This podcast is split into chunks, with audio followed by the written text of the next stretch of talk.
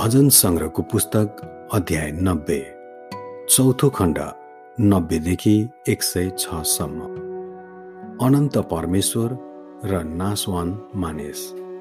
प्रभु भक्त मोसाको प्रार्थना। हे परम प्रभु पुस्तादेखि पुस्तासम्म तपाईँ हाम्रो वासस्थान हुनुभएको छ। पहाडहरू उत्पन्न हुनुभन्दा अघि अथवा तपाईँले पृथ्वी र संसार सिर्जनुभन्दा अघि अनादिदेखि अनन्तसम्म तपाईँ नै परमेश्वर हुनुहुन्छ।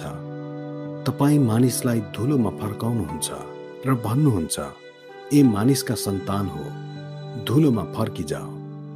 किनकि तपाईँको दृष्टिमा एक हजार वर्ष हिजो बिताएको एक दिन जस्ता मात्र छन् अथवा रातको एक पहर जस्तै तपाईँले मानिसहरूलाई मृत्युको निन्द्रामा बगाई लानुहुन्छ। तिनीहरू बिहान पलाउने घाँस जस्तै छन्। यद्यपि त्यो बिहान मौलाउँछ बेलुकी त्यो सुक्छ र ओइलिहाल्छ। हामी तपाईँको क्रोधमा भस्म भएका छौँ र तपाईँको आक्रोशमा हामी आतंकित हुन्छौँ।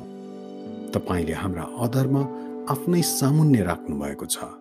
हाम्रा गुप्त पापहरू तपाईँका उपस्थितिको प्रकाशमा छन्। हाम्रा सारा दिन तपाईँको क्रोधमा बित्छन्। सुस्केरामा हामी हाम्रा वर्षहरू बिताउँदछौँ। हाम्रो आयु त सत्तरी वर्ष मात्र हो। बलले भ्यायो भने अस्सी पुग्ला। तापनि तिनीहरूको अवधि कष्ट र शोकमा बित्छन्। किनकि आयु चाहिँ चाँडै बित्छ र हामी उडी जान्छौँ तपाईँका क्रोधको शक्ति कसले जान्दछ? किनकि तपाईँको क्रोध तपाईँलाई दिनुपर्ने भए जत्तिकै ठुलो छ। हाम्रो आयु ठिकसँग गन्न हामीलाई सिकाउनुहोस् र हामी बुद्धिको हृदय प्राप्त गर्न सकौँ। हे परम प्रभु नम्र हुनुहोस्। अझै कति बेर लाग्ने हो आफ्ना दासहरूमाथि दया गर्नुहोस्। बिहान आफ्नो नटल्ने करुणाले हामीलाई तृप्त पार्नुहोस् र हामी हाम्रा दिनभरि रमाएर गाउन सकौँ। जति दिन तपाईँले हामीलाई कष्ट दिनुभयो र जति वर्ष दुःख भोग्यौँ त्यति दिन हामीलाई आनन्दित तुल्याउनुहोस्। तपाईँका कार्य तपाईँका सेवकहरूलाई प्रदर्शन गरिदिउँ र तपाईँको वैभव तिनीहरूका छोराछोरी कहाँ प्रकट होस्।